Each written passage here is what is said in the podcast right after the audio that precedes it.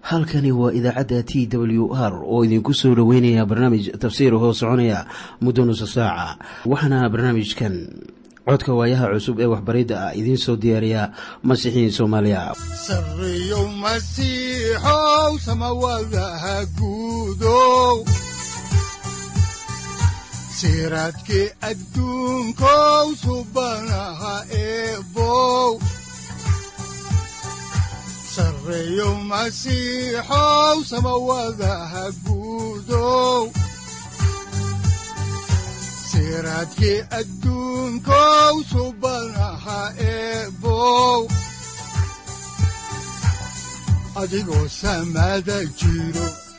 soo saldhiganba jiro ifkan soo saldhiganba kutubtiisanaye udanogu saaciiday sharxin sifahaaga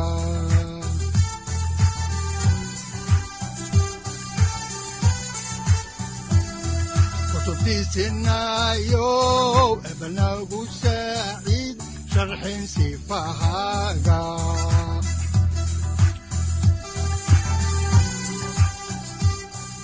ku soo dhowaada dhegaystayaal barnaamijkeenna dhammaantiinba. Waxaan horay u sii ambaqaadi doonnaa daraasaadkii la magac baxay baibalka dhammaantii waxaannu idiin sii wadi doonnaa caawa kitaabka xaakinnada oo qayb ka ah axdigii hore. Markaana waxaannu idiin sii wadi doonnaa cutubka lixaad ee kitaabka xaakinnada oo aynu kaga gudbi doonno kan toddobaad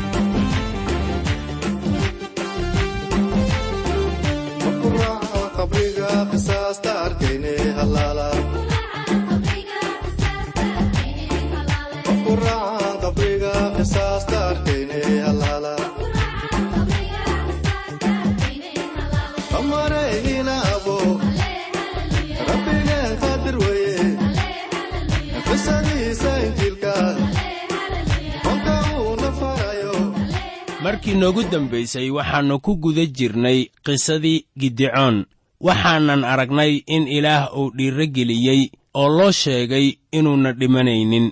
Markaasaa gidicoon haddana dib uu uga noqday xaqiiqooyinkii ilaah uu siiyey oo weliba inkastoo ilaah howl uu u xilsaaray haddana wuu baqayey gidicoon intii uu ilaah addeeci lahaa oo uu si muuqata u istaagi lahaa ayuu goostay inuu gudcurka isku qariyo laakiin wixii uu sameeyey waa la ogaaday. Ilaah baa haddana samato bixiyey. Gidcoon weli shaki baa ku jira. Ilaah baa cabsida ka qaadaya oo ilaah wuxuu sare u qaadi doonaa rumaysadkiisa iyo kalsoonidiisaba. Ilaah wuxuu xoojin doonaa gidicoon laakiin wakhti bay qaadanaysaa iyo weliba marxalado dhib badan in ilaah gidicoon rumaysadkiisa sare uu u qaado tillaabada xigta ee ilaah uu samaynayo haddaba waxa weeye in ninkan laga buuxiyo ruuxa quduuska ah. Ilaah wuxuu mar waliba ku shubaa ruuxa addoommadiisa uu isticmaalayo. Haddaan mar kale caawa dib ugu noqonno waxbariddeenii kitaabka quduuska ah ayaannu sii wadaynaa kitaabka xaakinnada cutubka lixaad ee baalka saddex boqol shan iyo toban ee ahdigii hore aayadda afar iyo soddonaad waxaana qoran sida tan. Laakiinse ruuxii rabbigu wuxuu ku soo degay gidicoon markaasuu buun ku dhuftay oo waxaa ku soo ururay reer abiceser haddaba markii buunka la afuufo ayaa taasu calaamad ay u tahay dagaal.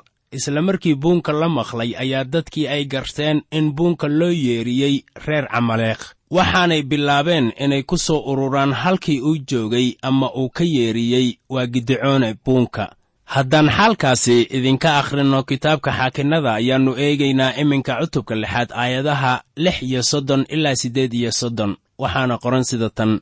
Markaasaa gidicoon wuxuu ilaah ku yidhi sidaad ii sheegtay haddaad reer banu israa'iil gacantayda ku badbaadinaysid bal eeg meesha sarreenka lagu tumo ayaan dhigayaa dhogor idaad. Haddaba haddii darab uu qoyo dhogorta keliya oo dhulka kale oo dhammuna uu engegnaado markaasaan ogaanayaa inaad gacantayda ku badbaadinaysid reer banu israa'iil. Sidaad ku hadashay oo sidii bay noqotay. Waayo markuu toosay subaxdii dambe oo uu tuujiyey dhogorta wuxuu ka maroojiyey koob muggiis oo biyo ah.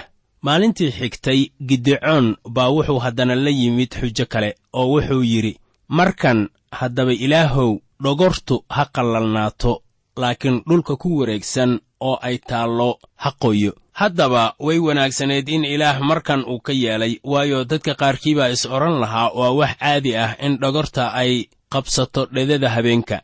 Dabeetana biyo laga majuujiyo ama laga maroojiyo sidii gidecoon uu yeelay oo kale. Ninkani wuxuu ilaah weyddiistay inuu qooyo dhogortii. Haddana wuxuu weyddiistay inuu qallajiyo. War bal eega sidii ilaah uu u naxariis badan yahay oo nimcadiisuna waxay gaadhaa qof waliba. Waxaanse arki doonnaa in ilaah uu waxbarayo ninkan ilaa uu soo gaarsiiyo heer gidecoon u arko inaannu isaga waxba ahayn. Laakiin ilaah guusha uu ku siinayo dagaalka uu qaadi doono. Iminka haddaan dib ugu noqonno aayadaha afar iyo soddon ilaa shan iyo soddon ayaannu arkaynaa in ninkan uu ka yimid meel baabba ah. Markaana haddii buun laga dhawaajiyo ayaa taasu ay ka micno tahay dagaal sida daacadda ah saaxib isagu wuxuu ahaa nin aan raganimadiisa ama dadnimadiisa ku gaarin halka uu joogo ama uu soo gaaray. Mana ahayn mid loo diyaargareeyey inuu dagaallo hoggaamiyo markaasaa ilaah uu bilaabay inuu nolosha gidecoon waxyaabo la hubo ka muujiyo. Sidaannu ku arki doonno cutubka toddobaad ee aynu haatan idiin bilaabayno. Cutubkan toddobaadina waxaannu horay ugu sii soconaynaa qisadii gidecoon waxaanan ku bilaabaynaa maaddada ugu horraysa ee ku saabsan saddexdii boqol ee ciidamada ahaa ee gidecoon uu u xushay dagaalka. Haddaan xigashada kitaabka ka akhrinno qisadan ayaannu eegaynaa kitaabka xakinnada cutubka toddobaad aayadaha kow ilaa labo waxaana qoran sida tan.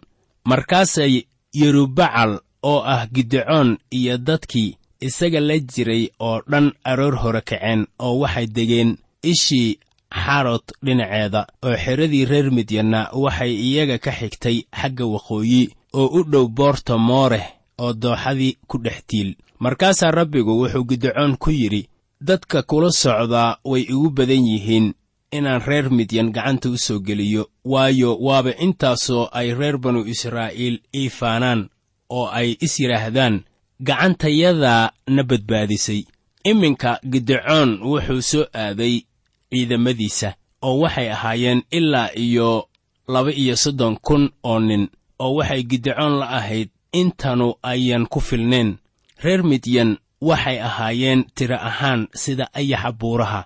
Welibana ma ayan habaysnayn laakiin way ku soo labalaabmayaan tiro ahaan reer banu israa'iil marka ay sidaas tahay dadkiisu aad bay u yaraayeen. Waxaanan u malaynayaa in gidecoon diyaar uu u ahaa inuu mar kale buunka afuufo. Laakiin ilaah baa ku yidhi gidecoon dadkaagu way badan yihiin. Guushana kugu siin maayo laba iyo soddonka kun aawadood. Waaba intaasoo aad tidhaahdaan xooggayaga ayaannu isku xuraynay jidhka bini'aadanka ee caadiyan dembiga leh ayaan laga yaabin marnaba in ilaah hortii uu guul ka helo. Sababtaas aawadeed ayaad arkaysaa in ilaah ilaa iyo maanta uu isticmaalo aalad aan weynayn ama shakhsiyaad aan magac weyn lahayn markii uu howlo ka dhex samaynayo dadka waana hab uu raaci jiray ebidkiisba waxaanan arkaynaa inuu haatan tirsiga ciidamada dhimayo. Haddaan horay idinku sii wadno xigashada kitaabka oo aan eegno kitaabka xaakinnada cutubka toddobaad aayadda saddexaad waxaa qoran sida tan. Haddaba tag oo dadka dhegahooda ku naadi oo waxaad ku tidhaahdaa ku alla kii baqaya oo gariiraa ha iska noqdo oo ha ka tago buur gilicaad. Markaasaa dadkii waxaa dib uga noqday laba iyo labaatan kun oo nin oo waxaa soo hadhay toban kun oo qura. Haddaan xaalkaasi indha-indhayno ayaannu arkaynaa in raggii gidecoon oo watay ay ahaayeen ilaa iyo laba iyo soddon kun oo nin. Iminkase waxaa tegaya laba iyo labaatan kun oo nin. Waxaan arkaynaa in qaynuun ka mid ah sharciyadii nebi muuse haatan la isticmaalay. Wuxuuna qaynuunkaasi ahaa in nin reer banu israa'iil ah oo baqaya aannu dagaallada gelin. Iminkana waxaa goobtaasi ka dareeray ilaa iyo laba iyo labaatan kun oo nin. Waxaase la yaab leh in gidecoon oo intaannu rabbiga arag aad u gariirayey aannu raaci lahayn raggaasi. Waxaa taasi sabab u ah in ilaah ruuxiisii uu adkeeyey oo ilaah baa xil garbaha u saaray. Iminka gidecoon wuxuu haystaa toban kun oo nin. Sida muuqatana aad uma badna. Laakiin ilaah leh weli kuwaasu way badan yihiin oo waa inaad gidicoonow ciidamadaada kala yaraysaa. Markaasaa tijaabo ama imtixaan kale lagu kala reebay haddaan horay idinku sii wadno xigashada kitaabka xaakinnada baalka saddex boqol iyo lix iyo toban ee axdigii hore cutubka toddobaad aayadaha shan ilaa toddoba ayaa waxaa qoran sida tan. Sidaas daraaddeed dadkii wuxuu keenay biyihii markaasaa rabbigu gidicoon ku yidhi ku alla kii biyaha carrabkiisa ku leefleefa sida ey oo kale kaas goonni ahaantiisa u sooc sidaas oo kalena ku alla kii u jilba joogsadaa inuu biyaha cabo isna goonni ahaantiisa u sooc oo kuwii leefleefay oo calaacalahooda afka saaray tiradoodii waxay noqotay saddex boqol oo nin. Laakiinse dadka intiisa kale way wada jilba joogsadeen inay biyihii cabaan. Markaasaa rabbigu wuxuu gidicoon ku yidhi saddexda boqol oo nin oo calaacalahooda biyo ka leefleefay ayaan idinku badbaadinayaa oo reer midyanna gacantaadan soo gelinayaa laakiinse dadka intiisa kale oo dhammu ha iska tageen oo nin waluba ha ku noqdo meeshiisii. Miyaad haddaba garanaysaa waxa waxaasu ay ka micno ahaayeen? Waa cashar aad u wanaagsan oo ku taxalluqa doorasho rabbaani ah iyo ikhtiyaarka dadka. Taasina waa sababta ay si wadajir ah ugu wada shaqaynayeen ilaah wuxuu gidicoon ku yidhi aniga ayaa dooranaya ragga dagaalka kuu raacaya. Laakiin doorashadaydu waxa weeye inaan iyaga siiyo ikhtiyaar ay igu soo raacaan ama ay igu diidaan. Waxaad iyaga oo dhan isugu keentaa warta biyaha oo kuwa biyaha u leefleefa sida ey oo kale oo calaacalahooda biyaha ku caba waa kuwa aan dooran doono. Waxaa kaloo buu yidhi aad goonni u socdaa kuwa jilba joogsada oo intay jilbaha iyo gacmaha ku istaagaan biyaha afka ku caba kuwaas la dooni maayo.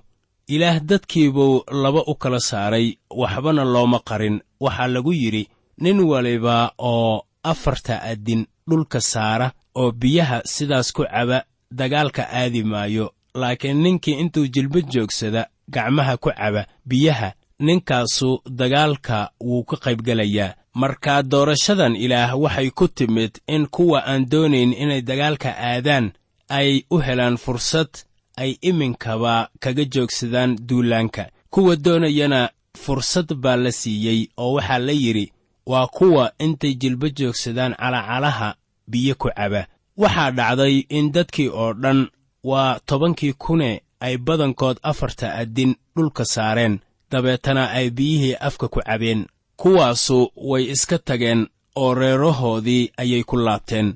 Kuwii inta ay jilba joogsadeen biyaha calaacalahooda ku cabay waxay dhammaayeen saddex boqol oo nin oo keliya. Kuwa ayaana ilaah uu doortay.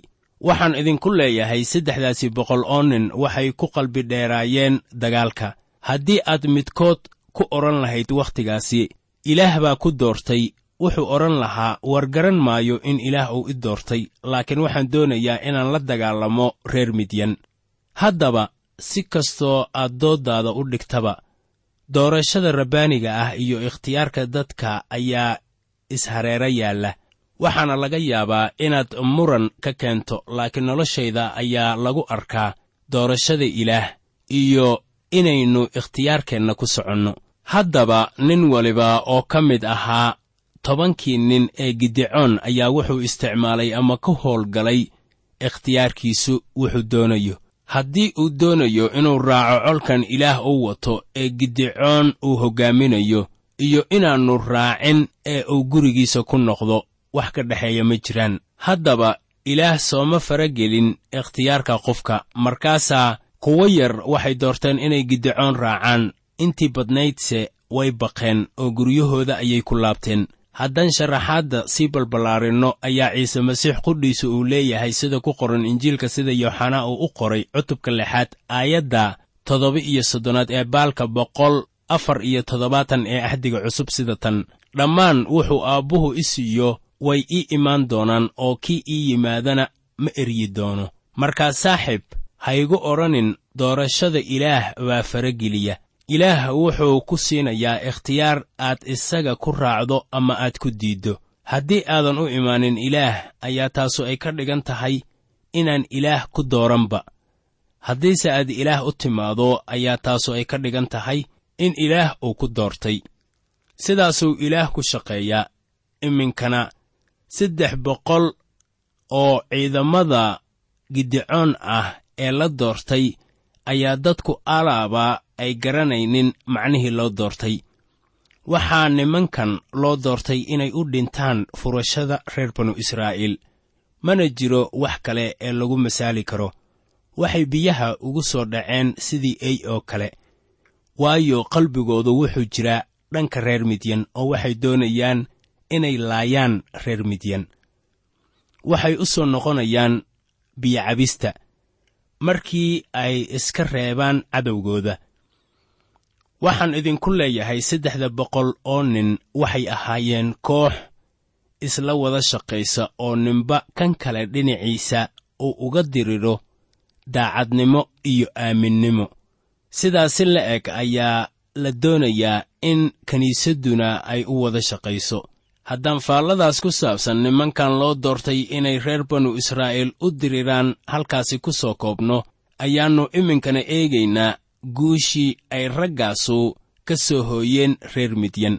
Si bal aynu xaalkaasi wax kaga ogaanno ayaannu eegaynaa kitaabka xaakinnada cutubka toddobaad aayadaha toban ilaa afar iyo toban. Waxaana qoran sida tan laakiinse haddaad ka baqaysid inaad ku dhaadhacdo waxaad xerada kula dhaadhacdaa addoonkaaga furaah oo waxaad maqli doontaa waxay isku leeyihiin oo markaasay gacmahaagu u xoogaysan doonaan inaad xerada ku dhaadhacdo markaasuu hoos u dhaadhacay isagoo kaxaystay addoonkiisii furaah ilaa meeshii ku wareegsanayd xerada oo raggii hubka lahaa degganaa oo reer midyan iyo reer camaleeq iyo reer barigii oo dhammuna waxay ku jireen dooxadii iyagoo u fara badan sida ayaxa oo kale oo geelooduna tiro ma lahayn oo waxay la fara ekaayeen camuudda badda xeebteeda taal oo markuu gidicoon yimid waxaa jiray nin saaxiibkiis riyo u sheegay oo wuxuu yidhi war riyaan ku riyooday oo waxaan arkay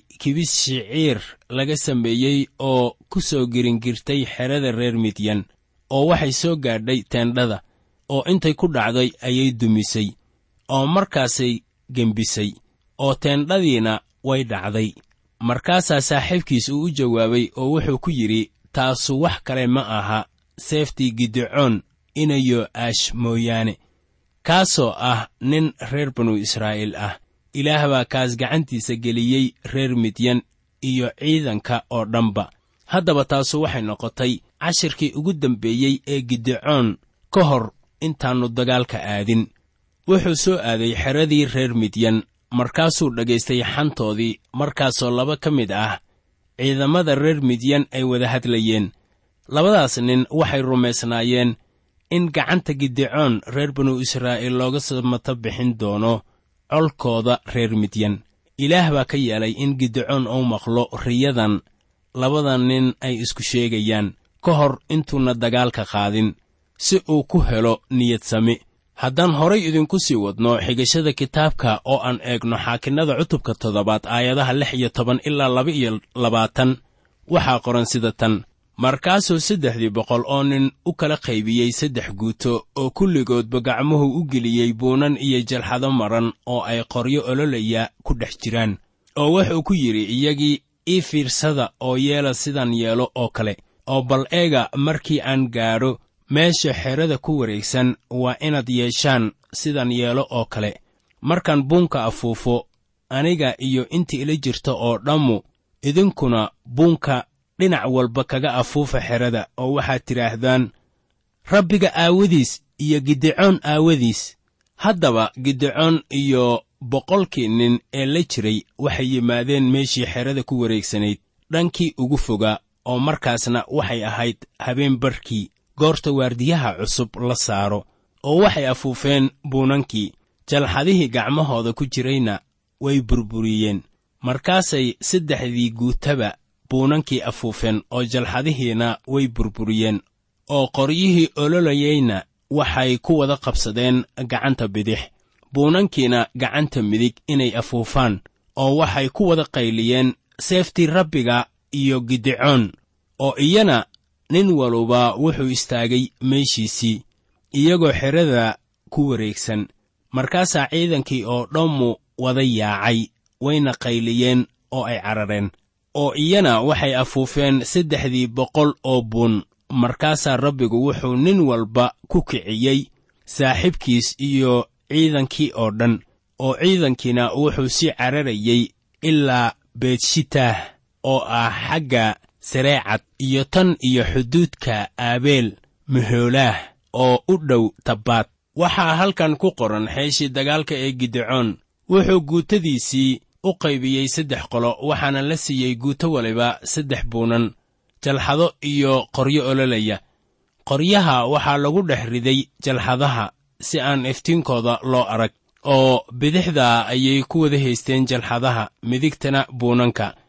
Markii ay dagaalka gelayaan ayay odhanayaan seeftii rabbiga iyo gidecoon tan xiisaha leh ayaa noqonaysa in gidecoon aanu wadanin wax seef ah isaga iyo weliba saddexdii boqol oo qof ee la socotay. Soo arki maysid waxay ku hoos jireen xukunkii reer midyan oo reer midyan ayaa u oggoleen inay hub diriireed qaataan. Hubka waxaa loo oggolaa reer midyan oo keliya inay qaataan. Reer banu israa'iil waxay wateen jalxado ay ku dhex jiraan qoryo ololaya iyo buunan. Waxaannu horay idinku sheegnay in reer midyan iyo reer camaleekh ay ahaayeen qabiilooyinka reer baadiyaha ah ee dega lamadegaanka waxay soo weerareen dhulkii reer banu israa'iil waxayna qaateen midhahooda iyo wax kasta ee u baxay. Waxayna ahaayeen guutooyin aan habaysnayn. Waxay ahaayeen reer guuraa dhex deggan lamadegaanka mana ayan haysanin. Ciidamo habaysan oo heegan ah had iyo goorba. Waxaa xerada ilaalinayay ilaaliyaal dhowr ah laakiin dhammaantood way wada gam'een oo hormaba meel bay seexatay. Lama ahayn in wakhtiga habeennimada ah la weerarayo. Ugu dambaynta wakhtiga habeennimada ah waa gudcur waxna la arki maayo. Gidecoonna guutadiisii ka koobnayd saddexda horin ayaa saddexda dhinac ee xerada weerar kaga soo beegay oo wakhtiyo kala duwan bay buunanka ka dhawaajinayeen oo jalxadaha ayay ka soo bixinayaan qoryaha ololaya si ay wax u arkaan. Mar kasta ee ay buunka ka dhawaajiyaan ayaa taasu ay tilmaamaysaa in halkaasi ay ku hayaan boqolaal ciidamada cadowga ah isla markii ay hurdada ka soo kacaan reer midyan. Ayaa waxa uu la soo aadayaa seeftiisa kan ugu dhow waxaana halkaasi ka dhacaya ama ka jiraya jahawareer. Reer banu israa'iil wax seefa ama hub diriireed ah ma ayan haysanin. Waxaase ay halkaasi ka abuureen qas iyo qalaaqal. Markaasaa haddiiba reer midyan boqo jaanta warteen waxaana tanu ay siisay gidecoon iyo ciidamadiisii guul weyn. Haddaba wixii halkan ka dhacay ayaa laga garan karaa cashar ruux ahaaneed maanta. Waxaan ku bilaabaynaa mucjisadii dhogorta iyo sayaxa. Waa markii ugu horraysay ee gidecoon ilaah uu tijaabinayey markaasoo uu ilaah ku lahaa haddii aad ila jirto dhogortan sayaxa ama dhedada habeenka ha qoydo dhulkuse yaanu qoyin haddaba dhedada ama sayaxa ayaa wax badan looga qoray kitaabka quduuska ah. Marka hore waxaan ku bilaabaynaa kitaabkii hosheeca baalka kun boqol siddeed iyo soddon ee ahdigii hore cutubka afar iyo tobanaad aayadda shanaad. Waxaana qoran sida tan waxaan dadka reer banu israa'iil u noqon doonaa sida sayaxa oo kale oo iyaguna waxay u ubxin doonaan sida ubaxa oo kale oo waxay xididada u mudan doonaan sida lubnaan oo kale. Waxaa kaloo ku qoran kitaabkii shanaad ee nebi muuse ee loo yaqaanno sharciga ku noqoshadiisa baalka laba boqol iyo toddobaatan ee axdigii hore cutubka saddex iyo soddonaad aayadda saddex iyo tobanaad sida tan. Oo markuu nebi yuusuf u ducaynayeyna wuxuu yidhi dalkiisu ha ahaado mid rabbigu ku barakeeyo waxyaalaha qaaliga ah oo samada iyo sayaxa iyo moolka hoos fidsan. Haddaan horay u sii wadno baaritaanka erayga sayaxa ayaan eegaynaa kitaabka mahmaahyadii baalka siddeed boqol siddeed iyo afartan ee ahdigii hore cutubka sagaal iyo tobanaad aayadda laba iyo tobanaad waxaana qoran sida tan boqorka caradiisu waa sida libaaxa cidiisa laakiinse raallinimadiisu waa sida sayaxa cooska ku dega. Ugu dambayntii waxaannu eegaynaa kitaabka zabuuradda baalka siddeed boqol laba iyo toban ee ahdigii hore cutubka boqol saddex iyo soddon aayadaha kow ilaa saddex. Waxaana qoran sida tan. Bal eeg siday u wanaagsan tahay oo ay u wacan tahay inay walaalo wadajir ku degganaadaan waa sida saliidda qaaliga ah ee madaxa oo ku soo dareertay garhka kaasoo ahaa garhkii haaruun oo waxay soo gaadhay daraftii dharkiisa. Waana sida dharabka buur xermoon oo ku soo dega buuraha siyoon. Waayo rabbigu wuxuu amray inay halkaasi ku dhacdo barako taasoo ah nolosha tan iyo weligeedba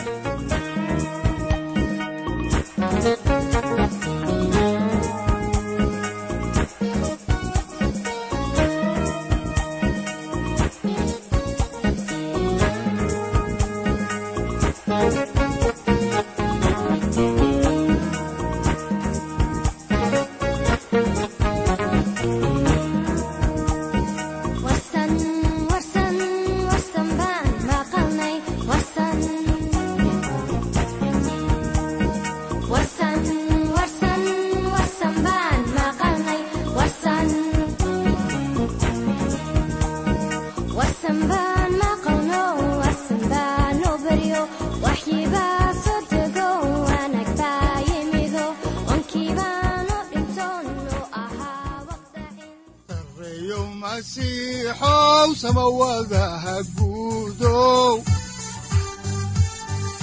siraadkii adduunkow subanaha eebow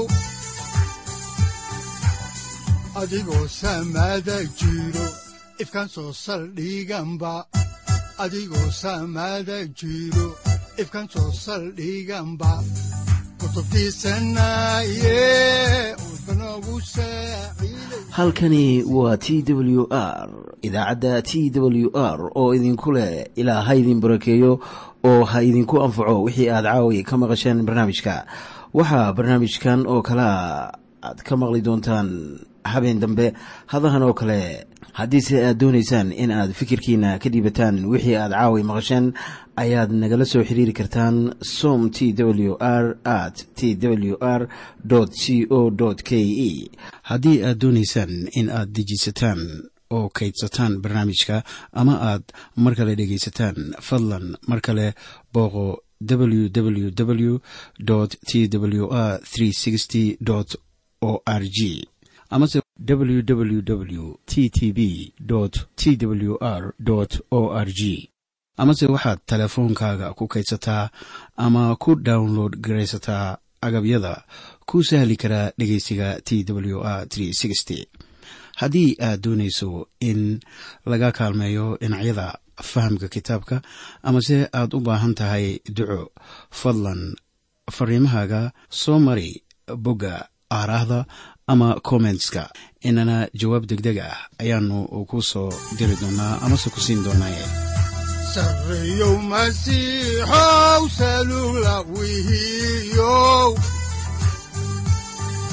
saacadda timid dhulka sabada ku dhalatiyo